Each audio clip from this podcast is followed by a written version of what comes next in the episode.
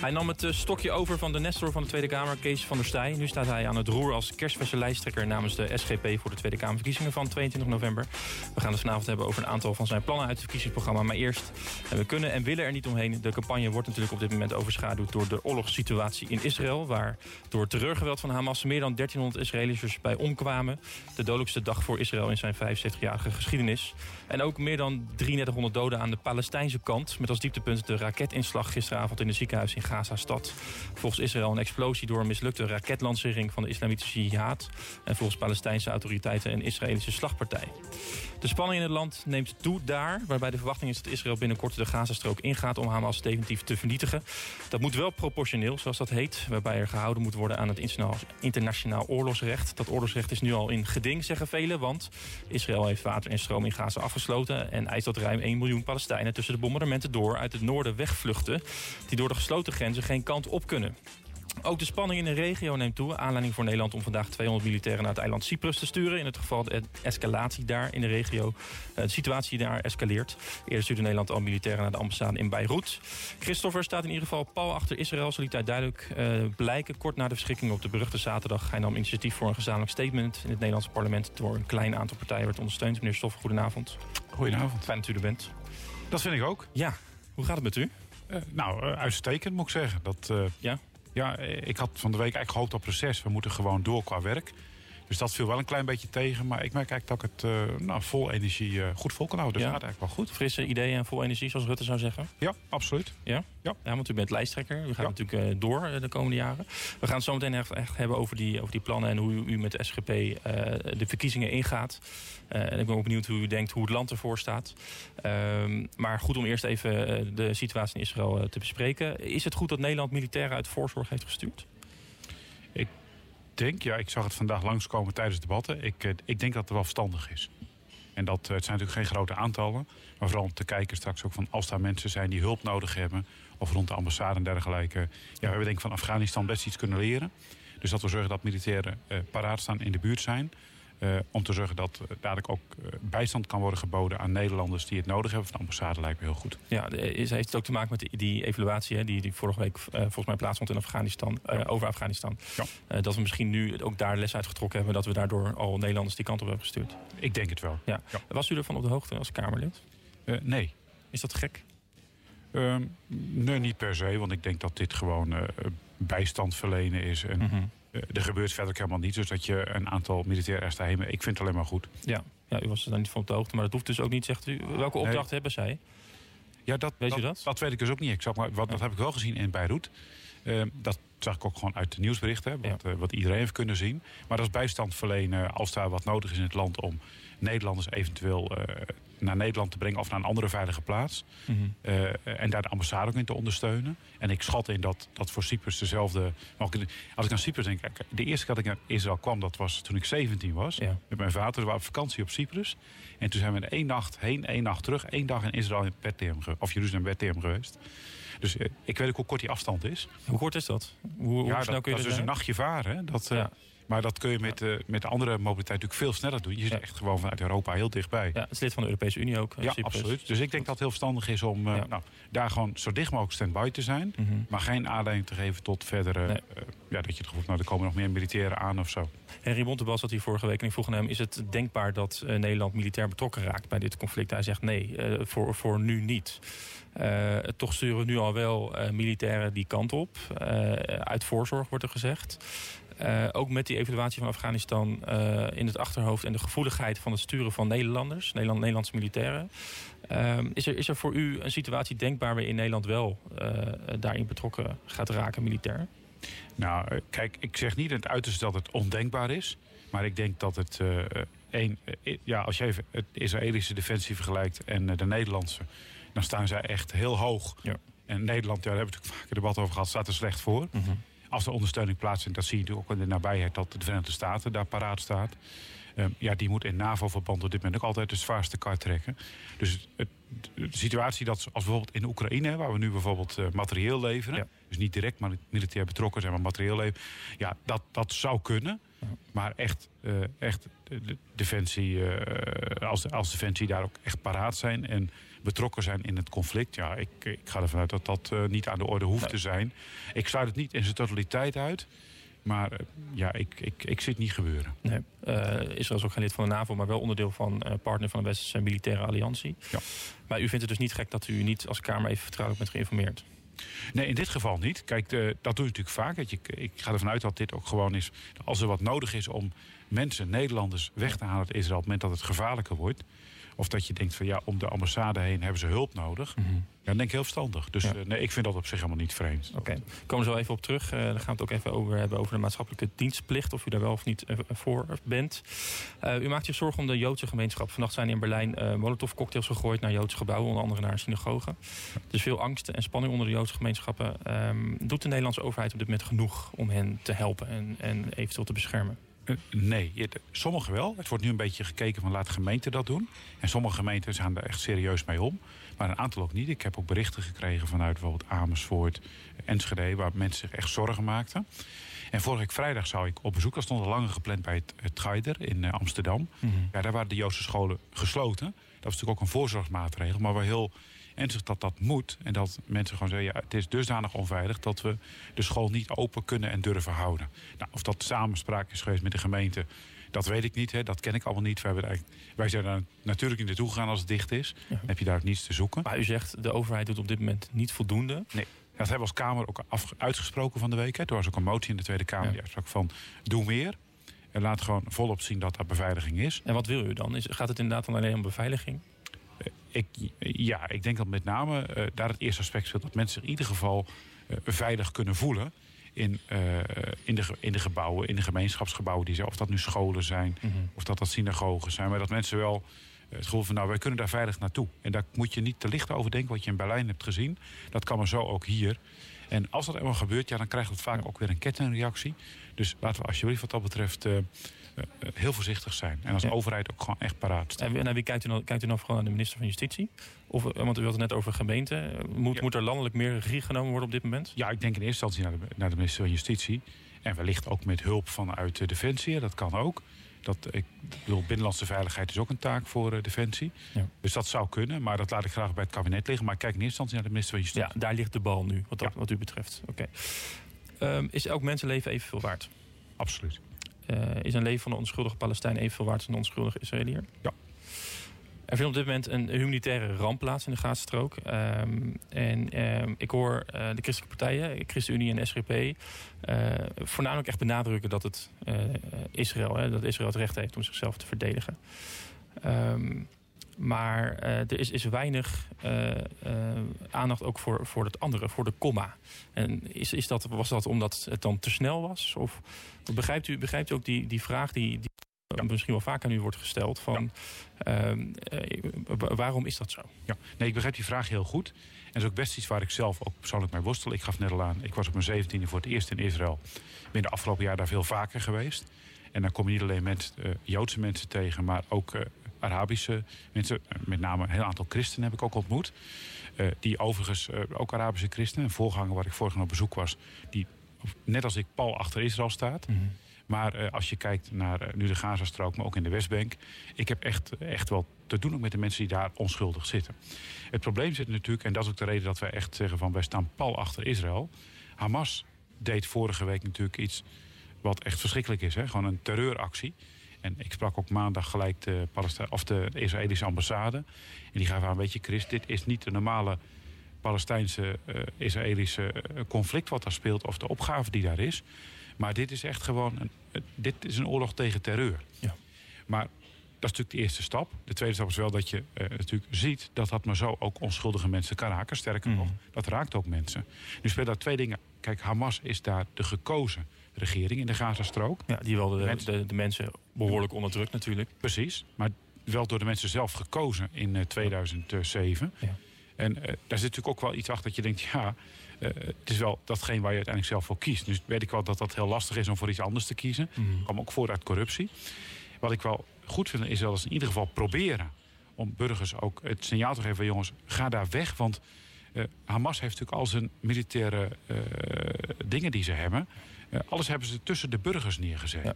En dat is een verschil. In Israël zie je dat militaire doeleinden zitten niet gewoon in woonwijken of bij scholen of bij ziekenhuizen. En dat is wel het nadeel wat je ziet in de Gazastrook. Palestijnen Hamas geeft niet om zijn eigen inwoners. Dan zouden ze het heel anders aanpakken. Ja. En ik begrijp dat de, de SGP en de ChristenUnie... en uh, vanuit, de, vanuit de, de christelijke identiteit ook... en de belangen, ook als je kijkt in uh, welke plek Israël, de staat Israël... in, ook in het geloof heeft... dat de eerste reactie altijd is... Uh, of ik weet niet of altijd wel misschien overwogen... maar altijd wel standaard of automatisme is van... we staan pal voor Israël. Ja. Um, maar ik verwacht eigenlijk ook van christelijke partijen dat ze gezien de discussie die er plaatsvindt. En, en er, is dus discussie over Israël, hè, over de nederzettingen en, en hoe zij uh, zaken aanpakken. Het is, het is niet voor niets een heel ingewikkeld conflict. Verwacht ik ook, ook van die christelijke partijen op een gegeven moment dat zij de stap naar voren zetten en zeggen: ja, oké, uh, wij willen uiteindelijk ook de stap naar vrede. En we willen nu, uh, niet per se nuance in het debat, maar rust. En we willen aandacht voor beide kanten. Er was gisteren een motie van de SP dat, dat de regering opdraagt er bij Israël op aan te dringen dat de levering van primaire levensbehoeften richting Gaza doorgang moet vinden. U heeft daar tegen gestemd. Waarom heeft u dat gedaan? Nou, daar speelde ook een motie, ook een motie van het CDA, die veel omvangrijker was, maar waar in ieder geval ook deze oproep werd gedaan. Um, dat viel nog in een totaalpakket, zeg maar. Mm -hmm. Zeggen dat, nou, dat, dat, kijk, het gaat ons niet om, om mensen af te sluiten van dingen. Als je over, met Israëlische mensen spreekt, dat heb ik de afgelopen weken natuurlijk ook, uh, ook gedaan. En dan merk je van ja, die watertoevoer, dat is niet alleen maar Israëlisch. Hè. Dat komt voor een deel nog uit Israël, maar voor een deel ook uit eigen onderdelen. En ook uh, de brandstoftoevoer komt niet alleen vanuit Israël. En ook de voedseltoevoer. Maar Israël is wel beeld... de kraan uh, dichtgedraaid, letterlijk. Ja, dat, is maar, dat, ja. dat, is nog, dat, is maar, dat hebben ze wel deels gedaan. Hè, maar er gaat ook alweer wat door. Um, maar dat is een lastige. En ik kan daar niet 100% in kijken. Ja. Maar dat ze mensen, je moet mensen niet laten verhongeren of zo, dat ze geen zorg krijgen. Dat is ook helemaal het doel niet. Um, het doel van Israël is natuurlijk dat ze Hamas echt nu gewoon, uh, laat ik dat woord maar gewoon kunnen vernietigen. Ja. Want dat, doet het voor, dat maakt het voor Israël heel moeilijk, sowieso al. Maar mm. na afgelopen 7 oktober heb je gezien wat het kan betekenen. En Israël moet natuurlijk wel haar eigen burgers verdedigen. Je gaf ja. het straks zelf aan. Dat het, er zijn nog nooit zoveel Joden, Joden in één keer vermoord als nu. Mm. Sinds de Tweede Wereldoorlog. Ja. Maar even naar de positie die u inneemt in het maatschappelijk debat. Want u bent een Kamerlid, u bent volksvertegenwoordiger. U, ja. uh, u, bent, uh, u heeft een voorbeeldfunctie. U, bent, u, u, u, moet kijken naar hoe u zich uh, als SGP of als christelijke partij verhoudt tot, tot, de, tot de situatie die er is. Ja. En u geeft een signaal door niet expliciet voor deze motie te stemmen. Maar ook uw Europarlementariër, uw collega, hè, zei vorige week ook eigenlijk de subsidie naar Palestijn, Palestina moet dicht totdat uh, de Palestijnse machten daar uh, afstand van nemen van, van wat Hamas heeft gedaan. Ja. bent u zich bewust van, van, van dat signaal wat u daar ook mee afgeeft? Dat u heel erg de klemtoon op Israël legt. En, ja. en misschien ook, ook, ook christenen gesproken die zeggen... ja, ik verwacht ook een, een bredere blik van, van mijn partij. Ja. Um, dat altijd, het is natuurlijk ook actie en tegenreactie. Je ziet dat in de Nederlandse media afgelopen jaren, maar ook nu zie je dat na vorige week uh, zaterdag zag je tot maandag wel. Ja, dat is toch al heel erg wat, ge wat gebeurd is.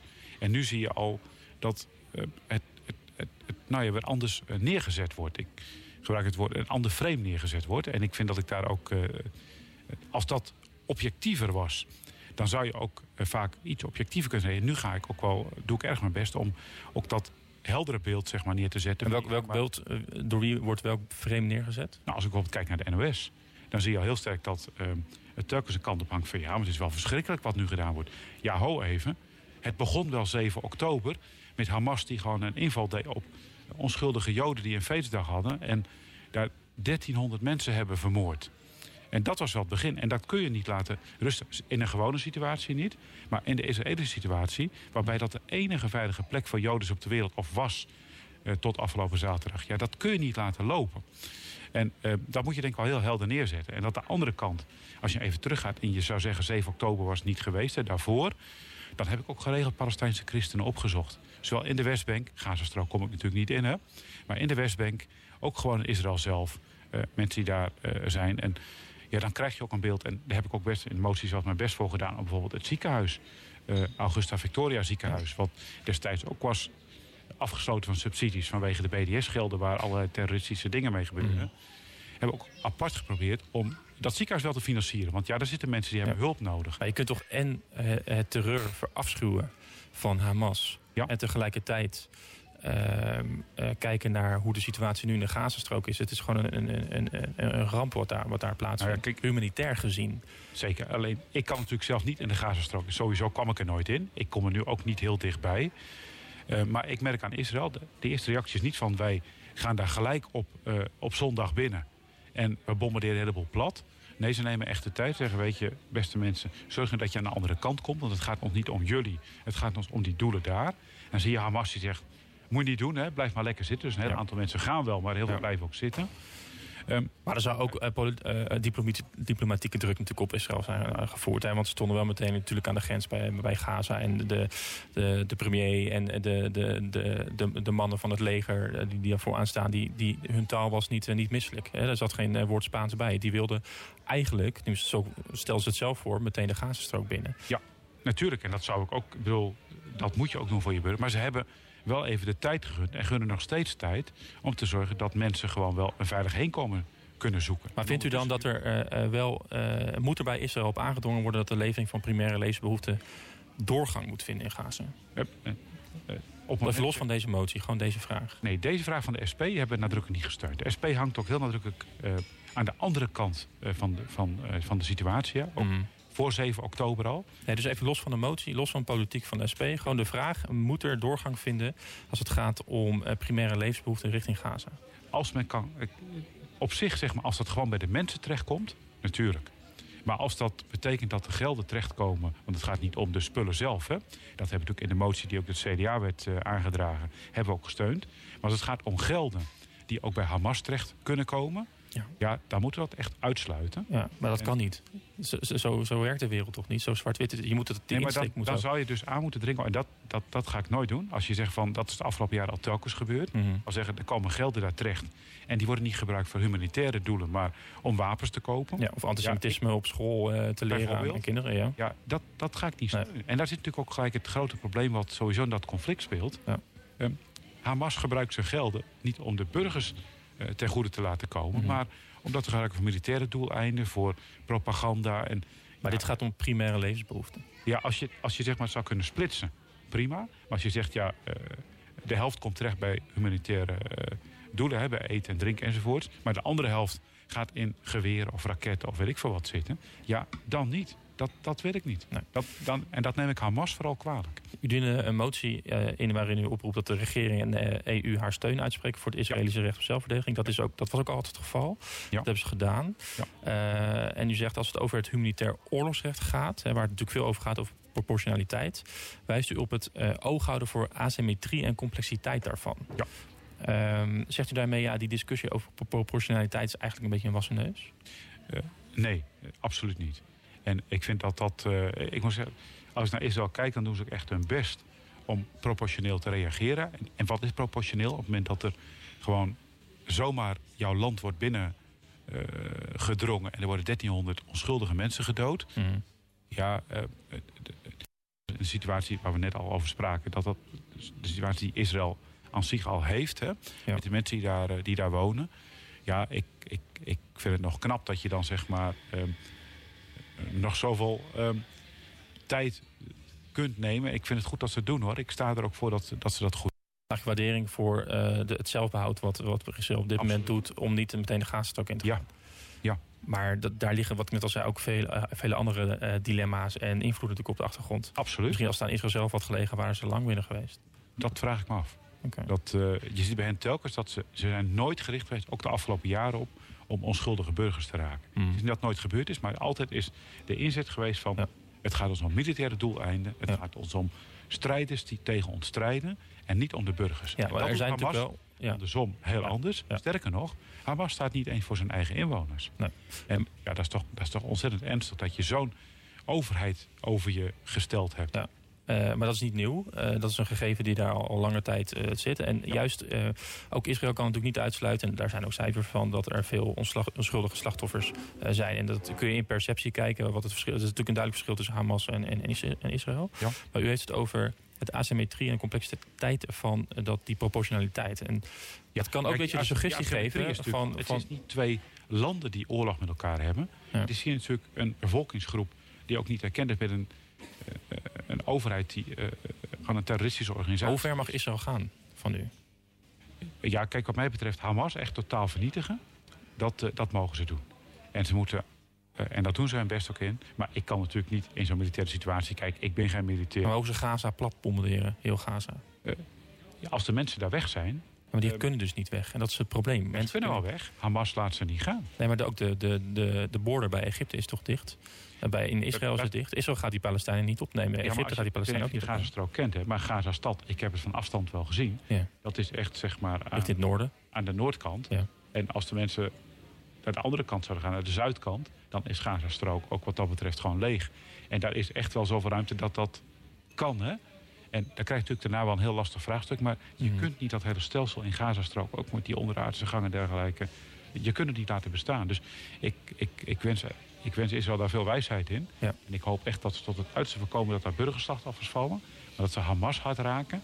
En dat ze de infrastructuur rond Gazastad, die hen zelf bedreigt. En uiteindelijk ook de inwoners van, van Gaza eh, zelf. Mhm. Ja, dat ze dat echt gewoon vernietigen. En of dat gaat om dat je alle gebouwen moet vernietigen, ik hoop het niet. Maar het is natuurlijk een illusie. daar echt gewoon Kijk, de mensen kunnen alleen naar de Gazastrook is natuurlijk een heel klein gebied. Uh, die mensen kunnen niet allemaal naar het zuiden. Dat, dat wordt natuurlijk ook één grote uh, rotzooi op het moment dat, dat ze... Want ze kunnen ook niet naar Egypte. Egypte zegt, ja, wij, wij willen de Palestijnen niet. De Israël zegt, wij willen de Palestijnen niet. Het is niet zo dat het, uh, het verschil heel groot is... de afstand tussen Noord en Zuid. Het is ja. ook een beetje een illusie, toch? Dat, dat, dat, dat er geen gewonden gaan vallen... of dat er geen ongelooflijke humanitaire ramp gaat voordoen... Op het moment dat u... Hoe het, gewonden gaan daar vallen. En er gaan ook um, mensen die het niet overleven. Er gaan ook doden vallen. En ik hoop zo min mogelijk. Maar uh, ja, Israël kan dit niet, van zijn kant, dat niet over zijn kant laten gaan. Sterker nog, want dan creëren ze een situatie dat ze eh, binnenkort zo'n 7 oktober weer een keer opnieuw hebben. Ja, dus dat de grenzen dicht blijven, dat snapt u wel. Ja, je, dat in het verleden al. Ik heb natuurlijk echt wel ook wel gesproken in Israël met van... kunnen we niet wat soepeler zijn in grensovergangen openzetten? Ja, uh, men haalt gewoon het kwaad zelf dan binnen. En de veiligheid van de eigen inwoners is dan totaal niet gegarandeerd. En dat is wel waar Israël voor moet, uh, moet staan nu, uh, ook in de toekomst. En daar hebben ze het op 7 oktober, en dat nemen ook best heel veel uh, Joden ze kwalijk, daar hebben ze ook dat gewoon natuurlijk niet goed gedaan. Nou, dus als de, op de vraag hoe ver mag Israël gaan, zover als nodig is om Hamas te vernietigen, zegt ja. u. Um, is het eigenlijk een, u zei al, ik, ik, in het begin van het gesprek, ik heb ermee geworsteld. Is het een, een moeilijk, de situatie daar, is het, is het moeilijk voor u? Ja, kijk, want als je met uh, ik, ik, ik ben in veel landen geweest de afgelopen jaren, ook in Afrika en dergelijke. En telkens als je met een Nederlandse blik ergens iets oplegt op de Israëlische Palestijnse situatie, mm -hmm. maar ook op zaken in, zoals het in Afrika loopt, hè, dan denk je als je met ons net, dan hebben we mooi praat hier. Want het is hier relatief veilig. We hebben het goed. Je kunt hier gewoon de straat op. Uh, niemand die jou of mij wat doet, hè. tenminste daar ga ik vanuit. Uh, we hebben hier genoeg te eten en te drinken. Je kunt alle kanten op. En dat is in andere landen een totaal andere situatie. En dan um, ons, uh, ons normenstelsel ergens anders opleggen, ja. ja. dat is wel heel gemakkelijk. En ja. daarmee doe je ook geen recht aan de situatie staan. Andersom, van daaruit naar hier toe, ja. Uh, kan dat natuurlijk ook niet. Hè? Maar het is toch ook heel gemakkelijk om te zeggen, zodat ik wil berekenen dat het uh, Israël mag zover nodig als het moet gaan in, in het vernietigen van Hamas. En, en we zien wel hoe dat dan zich verhoudt tot de 2 miljoen Palestijnen daar. Dat is toch ook makkelijk om te zeggen vanuit hier. Nee, dat, dat vind ik niet gemakkelijk. Want je had natuurlijk, kijk, er was een, en bepaald niet ideale, maar een soort stabiele situatie. Was 7 oktober niet, had dat niet plaatsgevonden, mm -hmm. dan was de situatie anders. En ja. dat is ook, dat, het was al een hele moeilijke situatie, maar hierdoor is wel iets gecreëerd dat je zegt, ja, je zit in een soort duivels dilemma. Hè? Want je kunt het niet over je kant laten gaan als Israël. Um, uh, maar je wilt ook voorkomen dat er zowel mogelijk mensen gewoon opa's, oma's, vaders, moeders, kinderen. Ja. Dat, dat daar iets heel ernstigs mee gebeurt. Ja. En dat, dat is, nou, ik, ben, ik ben blij dat ik niet in de schoenen sta van de Israëlische regering. Uh, en toch moet je als politicus natuurlijk wel... Um, ik, ik steun ze wel wat dat betreft. En ik hoop dat ze daar echt uh, wijsheid en, ja. uh, en tact in vinden. En tot slot even over hoe u nu, want wees een, uh, u wil een soort statement hè, vanuit het Nederlands parlement. Ja. u heeft velstelling genomen.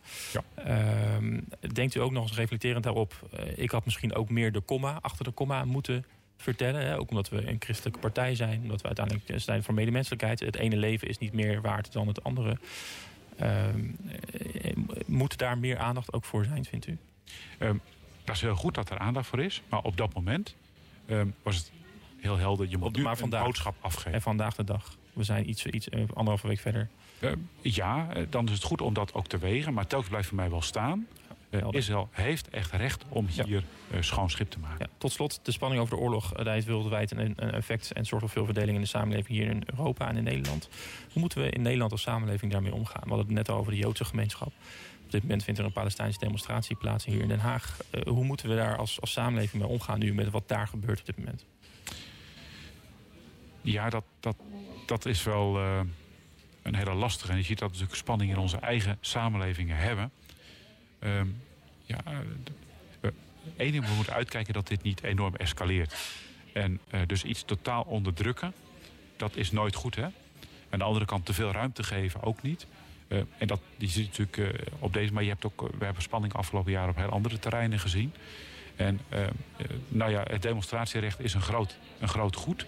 Dus kijk, als iedereen zou vinden wat ik vind, mm -hmm. was makkelijk, hè, dan, uh, Zeker. dan zou het uh, allemaal prima lopen. Of dan zou je voor één kant demonstreren. Dat je twee kanten ja. laat zien wat dat in dit land en een beetje ruimte geeft eraan. Dat is goed. Ja, en laten we uitkijken dat we hier uh, die ruimte wel blijven geven zolang dat gewoon kan. Zonder dat er mensenlevens vallen. En, en welke rol ziet u daar in zich? Welke rol ik ja? daar voor mezelf in zie? Ja, om het in die samenleving ook daar die, die rust te in, houden. in gesprek blijven. Ja. En dat, je hoeft het totaal niet eens te zijn. Ik zou je één mooi voor. Ik heb vandaag belastingplan gedaan. Ja. En uh, als je dan kijkt naar PvdA GroenLinks... die heeft natuurlijk een totaal andere ideologie dan ik heb. Ik kan heel hard roepen van jullie willen maar belastingen verhogen enzovoort. Mhm. Ik heb meneer Van der Lee en uh, Tom van der Lee een compliment gegeven. Ja. Over hoe hij ook instak. In ieder geval bepaalde... Al zijn we het er niet over eens. En het mooie was, andersom deed hij dat naar mij toe ook. Nou, dat... Uh, dat hij mij uh, uh, daarin respecteert en accepteert. En andersom denk ik naar hem toe ook. Ja. Dat geeft ook een stukje verzachting naar elkaar toe. Ja. Je zult het compleet niet eens worden. We stellen Jullie zijn redelijke mensen, anders. hoogopgeleide, werken in de ja, Kamer. je het maar zo compleet oneens worden en uh, de kop tegen elkaar slaan. Hè? Is ook zo. En, en daarover die verhouding in de mij, Kamer. Ja. Om daar zachtheid in te vinden. Ja. En, dat, ja, voor een ander, en ik merk dat als iemand anders naar mij doet, dat het helpt. En dan helpt dat voor mij het andersom ook. Ja, iemand die daar goed in is, is de koning. Die kan voor verbinding zorgen. Ja. Is hij genoeg in beeld, vindt u, op dit moment? Uh, uh, ik, ik, denk dat we de koning uh, onvoldoende ruimte geven, ook politiek gezien, om volop in beeld te zijn. dus hierin in deze is het natuurlijk ook last. Maar ik vind dat hij best. en dat zie je niet altijd, hè, maar informeel mm. doet die koning echt best wel heel veel. Nou, u zegt we geven hem te weinig ruimte. Ja, politiek is natuurlijk, als je uitkijkt, komt er elke keer weer een voorstel van je moet het koningshuis afschaffen. Ja. Of, en specifiek nou, als het gaat om deze situatie. Ik heb hem weinig gezien. Hij, is, hij was in, in, op vakantie, begreep ik. Hij zit nu in Zuid-Afrika. Ja, ik, kijk, ik denk dat hij nu in deze situatie niet al te veel uh, zou kunnen doen. Daarvoor zijn ook de groepen niet heel groot. Ik weet zeker dat hij straks... Ik weet helemaal niet waar hij nu is, want dat hou ik niet uh, exact in de gaten. Ja. Maar als hij straks terug is, dat hij echt zorgt dat hij met mensen spreekt. Ik vind ook dat onze premier wat dat betreft ook weer goede stap heeft gezet. Die had ook gelijk de Joodse gemeenschap. Ik weet ja. zeker dat hij ook andere groepen daarin spreekt. Dus ja, geen, alles wat de koning hierin doet, uh, ook onzichtbaar vaak, vind ik echt uh, heel goed. Oké. Okay. Ja. En volgens mij willen jullie dat het Koningshuis blijft, hè? Absoluut. Ja, ja. precies. Daar is geen, uh, geen twijfel over mogelijk. We blijven de situatie volgen. Straks gaan we spreken over een aantal van jullie plannen. Maar eerst muziek van Direct, hier, de Haagse band. Zojuist komt het nieuws binnen dat Biden heeft aangekondigd dat met Israël overeen is gekomen dat humanitaire hulp via de grens van Egypte naar Gaza mogelijk gemaakt wordt. Is dat goed? Ja, als zij daar samen overeenkomen, vind ik het uh, heel goed. Okay.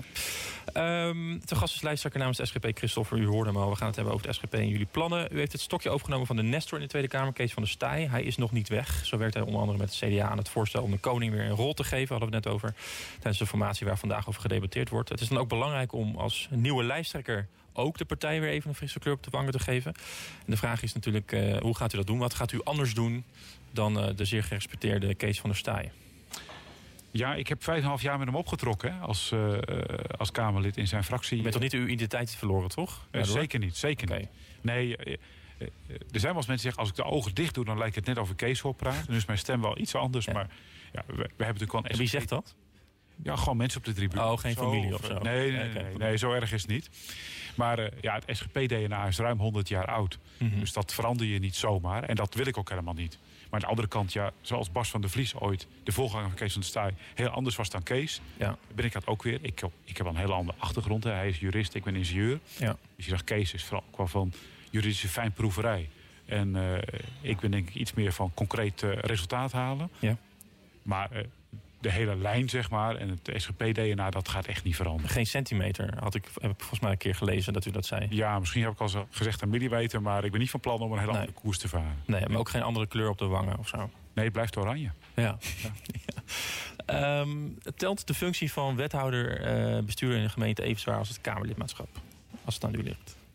Um, oh, dat is wel een ingewikkelde vraag. Ik ben nooit wethouder geweest. Uh, mijn broer is het. Ja. Maar... Uh, ja, ik denk als onze nummer drie is op dit moment ook wethouder. Mm -hmm. uh, je hebt meer bestuurlijke, ik heb het natuurlijk al gezien als raadzitter, maar je hebt gewoon meer bestuurlijke verantwoordelijkheid. Je bent echt bezig met de dagelijkse gang van ja. zaken. En als Kamerlid of als raadslid, dan ja, controleer je bepaalde zaken. Dus, ja. Uh, ja, even belangrijk. Zeker even belangrijk, okay. absoluut. Nou, ik vraag het omdat Paula Schot natuurlijk, de eerste vrouwelijke wethouder, bestuurder ja. was, ja. is namens de SGP. Ja. Uh, ik ga toch nog even een vraag over stellen. U krijgt het volgens mij in elk interview. Uh, maar er staan alleen maar mannen op de kieslijst van de SGP. Ja. en daar vroeg ik, is die, die functie even, even belangrijk, even zwaar voor, voor de SGP? Ja, iedere functie, kijk, ik zeg altijd of je... ik was hiervoor ingenieur bij de Waterstaat. En of je nu... mijn buurman die, die is vrachtwagenchauffeur geweest. Mm -hmm alle dingen zijn even belangrijk. Maar in andere woorden, waarom staat er geen vrouw op de kieslijst van nou, de Tweede dat, Kamer? Kijk, dat is heel simpel. Uh, uh, we hebben twee dingen. Eén, we hebben een beginselprogramma. Ja. Waarin staat dat uh, het regeerambt een vrouw niet toekomt. Mm -hmm. Dat is de algehele lijn. Daar wordt in de partij verschillend over gedacht. En een beginselprogramma is natuurlijk ook niet iets wat altijd vaststaat. Dat is ook nee. de loop der jaren bij ons aangepast. Ik zie liever een SGP-vrouw dan een D66-man in de Kamer, heeft u ook al gezegd. Ja, want het gaat mij uiteindelijk om de inhoud ja. en om de stemmen. En, uh, nou, blijkbaar nog niet. Want nu zijn het alleen maar mannen. Dus het gaat nog niet alleen maar om de inhoud. Uh, zeker wel, want uh, uiteindelijk staan er gewoon allemaal mannen op die lijst. En ik hoop dat alle 44 dadelijk gekozen worden op de lijst. Mm. Er zijn er zoveel mogelijk. Dus nee, het, gaat om, het gaat mij daarom. En in de partij ligt het gewoon gevoelig. Ja. En dat betekent dat landelijk zijn we daar. Er zijn kiesverenigingen die zeggen we zetten een vrouw op de lijst. En ook raadsleden. En er zijn heel veel kiesverenigingen die zeggen dat ligt gevoelig bij een deel van onze achterban. Maar was dit, dit dan niet, want het net over kleur op de wangen... was dit dan niet het moment geweest om als nieuwe lijsttrekker Christoffer... Uh, die er volgens mij uh, genuanceerd, uh, genuanceerder in staat... om te zeggen, oké, okay, dit is in ieder geval wat ik ga veranderen. Ik ga de eerste vrouwen Kamerlid op de lijst zetten. Nou, dat is heel grappig. Ik ga er zelfs niet eens omdat ik zelf op de lijst sta. Hè. Het hoofdbestuur bij Zeker. ons stelt altijd een commissie in. Die ja. maakt de lijst. En dat hoofdbestuur stelt die lijst vast. En dan gaat de partij hem... U weet hoe het werkt. Uh, er wordt met u overlegd. U bent de, de belangrijkste voorman van, van de partij. Uh, als u daar uh, anders over na had gedacht... of u heeft er wat degelijk invloed op, laat ik het zo zeggen. Nee, nee, nee. Dat, dat is heel helder. Dat dus als het aan u had gelegen, was er wel een vrouw op de lijst geweest? nee, want daar ga ik helemaal niet over. Uiteindelijk wordt die lijst zeg maar, door het hoofdbestuur ja. vastgesteld. Dus dat is echt de vraag die Dick van Meeuwen namens hoofdbestuur... maar hij is ook mm. maar een van de ja. 16 of 17 over gaat. Maar uw mening is toch wel relevant?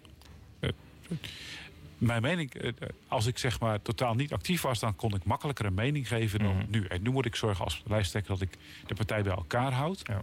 En uh, ja, hoe meer ik daarover zeg, hoe lastiger dat wordt. En ik zeg altijd, ik was wel leuk, vandaag stelde iemand mij ook die vraag. Toch niet zei, moet er niet over gepraat worden. Ja. Ik zeg ja, dat is heel goed. Maar als je thuis uh, iets hebt waar je niet over in, praat je er thuis over en niet met de buurvrouw of mm -hmm. de buurman. Want uh, daar los je thuis al niks mee op. Hè? Ja. Dus uh, ja, we, moeten, we moeten binnen de partij niet onder de tafel vegen of onder het tapijt vegen. Uh, met elkaar discussie hebben. Maar, maar is het dan we... denkbaar? Is het denkbaar wat u betreft dat er ooit uh, vrouwelijke Kamerleden komen voor de SLP? Ik, ik weet, dan, moet het, dan zal ook in ieder geval het beginselprogramma aangepast moeten worden. Maar is het denkbaar? Dat is niet iets wat op korte termijn, denk ik, snel zal veranderen. Oké. Okay. Nee. Um, u heeft duidelijke principes als het gaat om, om medisch-ethische vraagstukken rondom abortus, het huwelijk, gender, uh, vrouwen in de politiek. Uh, dat is helemaal niet verrassend. In die zin staat het in het verkiezingsprogramma. Da daar zijn geen wijzigingen in. En dat, dat we hebben volgens mij ook niet, de verwachting was daar ook niet. Um, maar bent u niet bang dat u uiteindelijk uw politieke relevantie verliest als u zo stevast vasthoudt aan, aan principes? Um Eén, dat, ik had net over het beginselprogramma. Er staat in dat het ons niet gaat om de aantallen, maar om uh, ons, ons ideaal zeg maar, naar voren te kunnen brengen. En een aantal zijn ons natuurlijk heel, liggen ons na aan het hart. Dan hebben we het over medische ethiek. Hè? Ja. Laten we even heel concreet maken. Abortuswetgeving en zaken rond euthanasie. De vrijheid van onderwijs. zondagsrust. Mhm. En op heel veel andere zaken ehm, ja, zie je de afgelopen jaar dat wij best wat bewogen zijn. en ik moet zeggen, politieke relevantie. We hebben er altijd aan vastgehouden. Het is urgenter geworden de afgelopen 40 jaar. Ja. En onze politieke relevantie is de laatste 10, 15 jaar ehm, veel groter geworden dan al die jaren daarvoor. We hebben gedoogd, of ze keken heel erg naar ons van... kun je die veelkoppige coalitie, die heel krap is... Zeker toch niet zeg maar ergens uh, een stukje uh, comfort bieden. Ja, komen we zo nog even op, hè, over dus hoe er naar de SGP gekeken wordt. ik, bedoel dus meer... ik denk dat politieke relevantie wat dat betreft. Maar wij gaan geen water bij de wijn doen denken van nou weet je, daar laten we het maar een beetje rusten op medische ethiek. Of... Nee. Nou, u doet dus niet als de ChristenUnie die uh, meer in die zin daar wel in meebeweegt en mee regeert. En nog steeds zegt medisch-ethische vraagstukken zijn, zijn lastig en dat ligt gevoelig. En daar is, is ook veel discussie en, en, en vragen over. Um, die hebben, als het gaat om zetels, iets meer zetels, niet heel veel meer. Maar u heeft niet de, soms de gedachte dat u wakker wordt ochtends... en dat u denkt van ja, oké, okay, uh, om meer aanspraak te maken... om meer het SGP-gedachtegoed groter te krijgen in Nederland... zullen wij misschien ook ruimte moeten geven aan een aantal vraagstukken... waar we misschien altijd zo stevast uh, aan vasthouden. Uh, nee, kijk, als we het hebben over financiële zaken... of over dingen die ruimtelijk zijn... dan valt het met mij altijd te praten om te kijken ja, van... Dat is ook het makkelijkst. Waar kom je uit? Ja. Maar uh, je moet niet rekenen dat wij zeg maar, uh, politieke, uh, politieke winst denken te slaan uit het feit dat we denken, nou weet je, laat abortus maar een beetje lopen. Of we gaan wel mee in een stuk ontwikkeling daar. Ja. En, wat zijn de vragen? Want u zei net, er zijn echt wel momenten geweest waar we anders naar kijken. Of, of misschien waar een beweging is geweest. Wat is dan een onderwerp waar de SGP, waar u de afgelopen jaren als Kamerlid toch anders bent naar gekeken? Nou, één, als ik wat verder terugkijk, sociale zekerheid. Daar waren wij bijvoorbeeld echt in de beginjaren valikant op tegen. Wij vonden dat echt een taak voor de kerk en de samenleving zelf. Maar je ziet natuurlijk dat dat uh, niet. Dus we hebben gezegd, ja, je kunt niet mensen aan hun lot overlaten. Daar hebben we in bewogen. En ik moet eerst zeggen, als ik zelf kijk naar uh, het vraagstuk bijvoorbeeld van uh, de arbeidsmarkt. Ik, had eigenlijk, ik kom van de Veluwe. En mm -hmm. Harderwijk, ik ken het goed. Daar ben ik geboren. Ja. En in Elspeet ja. helemaal opgegroeid. En dat Harderwijk was alleen het ziekenhuis. Ja. En bij ons in Elspet heb je heel weinig mensen die bijvoorbeeld een uitkering hebben. En als iemand, uh, ja, uh, weet ik, iedereen hoort te werken. Mm -hmm. En dat vind ik ook. Maar ik heb wat gesprekken gehad ook met mensen. Ik heb hier een appartement, niet zo ver hier vandaan, in, in Den Haag Centrum. Ja. En daar had ik bijvoorbeeld een aannemer die kwam van Ossing uit de Schilderswijk. En die zei, Chris, dat is allemaal heel leuk wat jij zegt, hè. Maar als iedereen om je heen zegt van, dat, dat je wel gek bent dat je s ochtends vroeg uit bed gaat, vies werk doet. En hij deed dat namelijk. En het is niet genoeg. En het is niet genoeg. Precies. Dan valt het niet mee. Ja. En naar dat vraagstuk ben ik echt persoonlijk ook wel anders gaan kijken. En dat beïnvloedt ja. mijn politieke stelling. Nou. En die gesprekken heeft u niet gevoerd op uh, kwesties zoals abortus en euthanasie met mensen Zeker. die het niet met u eens zijn? Zeker. Uh, nog wel meer.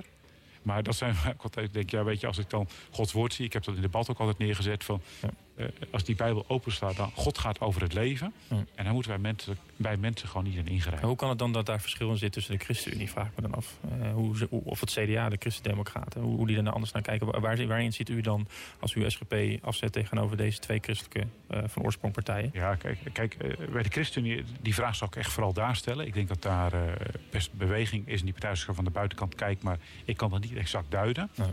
Uh, bij het CDA is natuurlijk altijd al wat. Uh, maar die hebben ook vooral de Bijbel vaak als inspiratiebron genomen. Niet gezegd van nou, dat is nee. ons, nee. uh, ons handboek waaruit, van waaruit wij politiek ja, Dat doen jullie wel. U wil um, antisemitisme hard aanpakken. We hebben het ja. natuurlijk ook gehad, gehad, over de situatie vanuit Israël. Um, ja. Tegelijkertijd wil u af van doorgeschoten en krampachtige fixatie op discriminatie. Wat bedoelt u daarmee? Ehm, ja, dat, dat, dat is natuurlijk. Kijk, antisemitisme is echt puur gericht op, op Joden. Hè. En we hebben natuurlijk altijd gezien dat door de eeuwen heen dat dat ze echt uh, verguisd zijn. Uh, en in Nederland ook helaas uh, is de Joodse gemeenschap heel klein geworden. Ik heb ook heel veel kennissen en, en, enkele vrienden in de Joodse gemeenschap. Ja, dat is, dat, is, dat is heel moeilijk. Ik heb een collega bijvoorbeeld gehad. Daar ben ik twintig jaar collega mee gehad. Ik heb eigenlijk nooit doorgehad dat hij Joods was. Mm -hmm. En toen zat ik in de kamer heb zei die Chris, ik stem op jou. Ik dacht, waarom? Jij, jij komt voor ons op. Ik ja. Maar wat, ik, ja, ik durf daar niet voor uit te komen, zegt hij. Want dan heb ik gewoon geen leven. Maar dat had je tegen mij toch kunnen zeggen. Ja, wist ik veel, zegt hij. Ik vertrouw daar niemand. Ja, wat aangeeft dat, dat, hoe de Joodse gemeenschap uh, voorzichtig is uh, geworden. Maar antisemitisme is ook een vorm van discriminatie. Uh, welke discriminatie, waar heeft u het dan over dat dat doorschiet? Um, ja, dat, dat, dat is ook in de, als je nu kijkt, zeg maar, dat mensen raken elkaar wat af niet meer. Ik zei het net iets over een, een, een, een aannemer met een Marokkaanse achtergrond. Hè? En we hebben ook tegen elkaar best even wat stevige dingen. Maar als je met elkaar in gesprek komt, mhm. dan denk je van nou, uh, jij bent best redelijk. Dat vond hij van mij uiteindelijk en ik van hem. En het, het, het is eigenlijk van dat, wat je veel ziet in de samenleving, is dat groepen natuurlijk elkaar weinig meer raken. En we hadden net over dienstplicht. Vroeger was natuurlijk het mooie dat mijn vader altijd in de dienstplicht kwam ik iedereen tegen. Ja. Ik heb het net niet meer meegemaakt, want ik werd nog wel gekeurd, maar voordat ik erin mocht, uh, werd het afgeschaft. Groepen raken elkaar niet. En dan ga je dingen over elkaar denken die wellicht kant nog wel raken. En daardoor maakt het veel minder makkelijk om uh, elkaar te gaan vinden. Ja, dat is een mooie sociologische analyse. Maar wat is dan de, de discriminatie die plaatsvindt wat betreft u doorschiet? Nou, dat je gewoon hele lelijke dingen roept over mensen. En dat ook maar gewoon keihard doet uh, op straat, op nou, Twitter, tegenwoordig X. Hè. Ja. Maak het maar eens open. Of bedoelt u ook de, de woke-ideologie? Bedoelt, is dat eigenlijk wat u daarmee bedoelt? Speelt daar dat, zegt u letterlijk hè, in uw ja, programma. Speelt, speelt, daar woorden. Ook, speelt daar ook in mee. Uh, uh, maar het begint al bij dat eerste. Dat je gewoon keihard dingen over elkaar roept. En dat gaat verder dan die woke-ideologie. Ja. Die vind ik ook uh, heel spijtig. Terwijl je echt, waar we daar heel serieus naar kijken met elkaar. Er zijn mensen die hebben echt gewoon een, een, probleem dat ze zeggen... ik weet echt niet wat mijn identiteit is. Maar dat ga je bijvoorbeeld niet helpen door te vinden... en dat vind ik geen discriminatie direct, hè, maar dat je op school dan iedereen uh, ieder kind ongeveer wilt gaan laten twijfelen over ben ik wel een jongen of een meisje. Dat bedoelt u met de woke-ideologie, dat, dat, dat het gekoppeld is aan identiteit. Dus dat mensen niet meer uh, zeker weten of ze man of Dat is niet direct discriminatie hoor, dat, uh, dat gaat natuurlijk... Maar is het, het wegzetten als woke-ideologie, is dat niet een vorm van discriminatie? Nou, dat is eigenlijk een goede vraag. Zo heb ik er nog nooit over nagedacht. Maar daar moet ik inderdaad ook mee uitkijken. Dat je dat, dat je dat niet te hard voert. Dat je dat wel op inhoud blijft voeren. Dat is eigenlijk heel goed dat je tegen me zegt. Ja. Dat heb ik vandaag, voor vandaag dan weer meegenomen. Ja, want zou u dan zelf op deze manier nog steeds zo opschrijven? Want u heeft het ook heel erg over... we moeten het debat aangaan met elkaar. We moeten soms vooroordelen even wegzetten en in gesprek blijven. Ja. Uh, ja, helpt het dan om het, om het uh, wat uw standpunt ook is, maar ook, u, weet, u bent niet gek, u weet ook uh, wat, wat woorden met, met, wat voor betekenis hebben. Ja. Helpt het dan om woke-ideologie in het verkiezingsprogramma te zetten? Nou, wel om het te duiden, maar nu dat zo zegt, denk ik van ja. Is eigenlijk ook wel eens goed om daarover na te denken, inderdaad. Ja. En kun je dat inderdaad ook niet met mooiere woorden neerzetten. En ik probeer dat in het politieke debat ook altijd te doen. Dat ik niet heel hard wordt, zeg maar. Hè? En soms mhm. doe je dat ook. Ja, dan mhm. moet je soms ook gewoon eens even terug. Ja, nou ja, dat is de, volgens mij de kracht van het SGP... waar, waar vriend en vijand het over eens is. Ja. Uh, jullie spelen op, wat dat betreft dat spel niet mee. Het is altijd waardig. Het zijn altijd met woorden en altijd met oog naar elkaar. Dat, dat proberen we in ieder geval altijd te doen. Dus als ja. mensen dat zien, dan vind ik dat heel mooi. Maar iedereen gaat wel eens een keer dat je denkt... Ja. ik ben toch te hard geweest. Ja. Nou ja, en dat waarschijnlijk in dit soort discussies... Eh, kijk, woorden doen ertoe, maar dat, dat neemt u mee. Over dat, uh, die dienstplicht. De SGP-jongeren hebben wel eens uitgesproken, dat willen wij. Ja. Ik kon het niet vinden in uw verkiezingsprogramma. Ja. Ook als je kijkt naar de reservisten waar u aandacht voor hebben... maar ook de, de kleine krijgsmacht die we nu hebben in, in Nederland. Bent u het met de CDA eens dat er een dienstplicht weer moet komen? Uh, ja, en dat uh, hoeft niet alleen maar de militaire dienstplicht te zijn. Die was natuurlijk mooi. Mm. Het mag ook meer maatschappelijk zijn. Maar dat mensen, jonge mensen zeggen, weet je, een periode in mijn leven uh, dien ik het land. Dat moet natuurlijk altijd doen. Maar dat geeft ook wel dat je daarna denkt van ja, maar dat is dus mooi om te doen. Mm -hmm. Dat gaat denk ik ook het vrijwilligerswerk verder helpen. En ook de warmte in de samenleving. En wat ik zojuist al zei, je komt elkaar ook gewoon weer tegen. Op plekken waar je anders niet zou komen. Mensen die je anders niet ja. zou ontmoeten. waarom heeft u het niet in het verkiezingsprogramma gezet? Is dat een bewuste keuze geweest? Dat denk ik wel. Nee, ja, ik want we hebben een verkort verkiezingsprogramma en een... Ja, in de bijlage staat het ook niet. Staat het in die grote? Want ik nee. dacht eigenlijk dat het gewoon... Nou, dat staat een omissie. Nee, wel, uh, het gaat over, diensttijd. Het gaat ja. over diensttijd. Ja. Uh, maatschappelijke diensttijd. Ja. Maar niet over een dienstplicht. Nee, dat, uh, terwijl ik het wel mooi zou vinden als we dat gewoon... Uh, ja, okay. dus, uh, U bent voorstander van dienstplicht? Jazeker. Ja. ja. Oké, okay, dus dan moet dat... nou goed, het, hij is al vastgesteld volgens mij. u was er ook net als CDA hard maken voor het gezin. Ik denk dat CDA mij gaat meten is hoor. Maar u pleit allebei voor een minister van het gezin. Ja. Um, uh, hoe moeten we ons daar... Wat, wat, wat, gaat die nou precies doen? Een nou, apart ministerie daarvoor? Ja, uh, een paar dingen. Maar het eerste denk ik dat uh, echt gewoon aandacht voor het gezin komt. ik, zo, ik ben zelf bezig met een initiatief in, gezin in de grondwet. Ja. Dan denk je, ja, wat heb je daar precies aan praktisch? Nou, inderdaad, praktisch helemaal niks. Maar het geeft wel aan, het gezin doet ertoe. Mm -hmm. Dus dat zou denk ik al belangrijk zijn dat iemand initiatieven neemt. Dat je denkt van het gezin doet er ook toe. Want nu bungelt het erbij. En wat heel belangrijk is, is ook echt goed gezinsbeleid maken. Dat doen we al heel lang niet meer. Ik heb de afgelopen periode ook de minister daartoe opgeroepen. Ja. Minister van SZW. Uh, eh, van CDA-huizen. Samen met CDA riepen we ertoe op. Uh, maar het, te weinig een beetje krampachtig, net niet. We doen het niet. Uh, dus ja, beginnen met beleid maken en vandaar ook zorgen dat gezinnen gewoon weer de ruimte krijgen om één met elkaar te leven. Dat je kunt zorgen eh, en werken, dat je goed kunt verdelen. Ja. En er zit ook een financiële component aan vast. Daar strijden wij al eh, meer dan tien jaar voor. Om eh, nou, gezien, bij gezin niet alleen maar een vader en een moeder, of in welke samenstelling het ook heeft. Want voor ons is het helder, wij gaan voor het klassieke gezin, maar we weten dat, de, dat, dat, dat, dat het breder wordt gedefinieerd. Zeker. Maar dat mensen niet alleen maar hoeven te werken, maar ook tijd krijgen om gewoon te zorgen, met elkaar gezin te zijn. Ja. Dat ook die mooie kanten daarvan zijn. En ik denk dat dat ook enorm zou kunnen helpen om eh, eh, ook allerlei problemen die we nu zijn bij jeugd, om die. eh Ja. Je lost ze niet allemaal op, maar een aantal kun je er wel mee voorkomen. Daarmee gaat u dus, eh, trekt u in ieder geval samen met CDA op. U had het Ja. even kort over social media. We gaan even een paar dingen nog kort, eh, kort aan, aantikken. Eh, de bedreiging van politici, die spelen soms een negatieve rol. social media, een opruiende rol. Ja. En in uw verkiezingsprogramma heeft u het over een te opdringerige overheid soms. En het recht op privacy van burgers moet, moet beter worden beschermd. Maar bent u voor anonieme accounts verbieden op social media? Ja, dan kom je natuurlijk ook weer een andere kant met dat overheidsingrijpen. Maar, ja, precies. daarom noem ik het. Ja. ja. dus nou, ik zou zeggen, kun je terugdringen. Maar als het uiteindelijk echt heel schadelijk zou worden, dan zou je wel naar een verbod kunnen kijken. Dat, eh, maar dat is wel een niet uit. stap. Ik zou dat niet in eerste instantie. eh, Maar het is toch al schadelijk? Wat, wat wilt u nog, als u kijkt naar, naar politici, u kent ze nog beter dan ik. U weet eh, misschien nog wel dat er nog meer worden bedreigd. Ehm, eh, social media speelt daar toch een grote rol in, vooral de anonieme accounts. Ja. Moet er dan eerst echt iets kant misgaan? ehm, Wat eigenlijk al gebeurd is hè, met de fakkels, et cetera, bij ZGK. Ja. Nee, het- daar zit natuurlijk één. eh, kijk, wat het, het, beste zijn, is dat er gewoon op de social media ook degene die het zeg maar eh, verzorgen, daar nadrukkelijk naar kijken. En die kunnen daar zelf ook stappen op zetten. Wat natuurlijk ook altijd weer. Het, het lastige is altijd op het randje: wat is vrijheid van meningsuiting en wat kun je doen? Dus, maar zij zouden kunnen kijken: van kunnen we dat aantal anonieme accounts nog verder terugdringen? En ook trollen. En ik heb er niet eens heel veel verstand van, hè? Mm. dat hoor je misschien gelijk al. Maar ze kunnen daar echt nog wel hele stappen in zetten. Als dat niet werkt, ja, als overheid kunnen we proberen dingen te verbieden. Maar als wij hier roepen van op Twitter mag iets niet, of X tegenwoordig. Ja, eh, het bedrijf zit niet hier, hè? En, eh, Nee, dus dat is de, de Europese Commissie, de eh, Europa precies. waar u niet dan moet je- helemaal eh, je fan echt- van bent. dan- Maar dan zou je dat wel moeten, moeten gaan doen. uiteindelijk, als het, echt, als het gewoon niet lukt, ja, dan moet je dat soort stappen maar zetten. Oké, oké. Ehm, eh, het, het, is- het valt veel om, het is veel om over, over te praten. Ja, het is een, gro- een groot en mooi programma, hè? het is een, het is een dat zijn uw woorden. Het is, een, het is een, de bijlage. Je denkt eerst, als je de bijlage niet leest, goh, dit is het, 26 pagina's volgens mij, maar er zit een hele bijlage bij. Hoe kijkt u naar het politieke speelveld met het oog op de, de verkiezingen die daar, die daar aankomen? Eh, ja, dat is in beweging. Ik kijk altijd ook even met een schuin nog naar iedere peiling die komt. Ja. En eh, vandaag kwam er weer één binnen. En eh, dan zie je, het is in beweging. Ja. Dus ik, heb, ik, ja, ik durf er eigenlijk nog geen pijl te trekken waar het naartoe gaat 22 november. Maar dat het echt heel spannend wordt. En kijken van hoe kun je nu dadelijk meerderheden vormen. Mhm. Ja, dat, dat wordt wel heel interessant. Ja, en dan gaat het al vaak, eh, eh, misschien te vaak over wie wel elkaar eh, aan, uitsluit of niet. Ja. Er is wel eens ook discussie binnen uw partij geweest om PVV en Forum niet uit te sluiten, zoals andere partijen wel doen. Hoe staat u nu als, als nieuwe lijsttrekker in die discussie? Sluit u Forum en PVV uit? Wij sluiten niemand uit. Je hebt dadelijk een verkiezingsuitslag.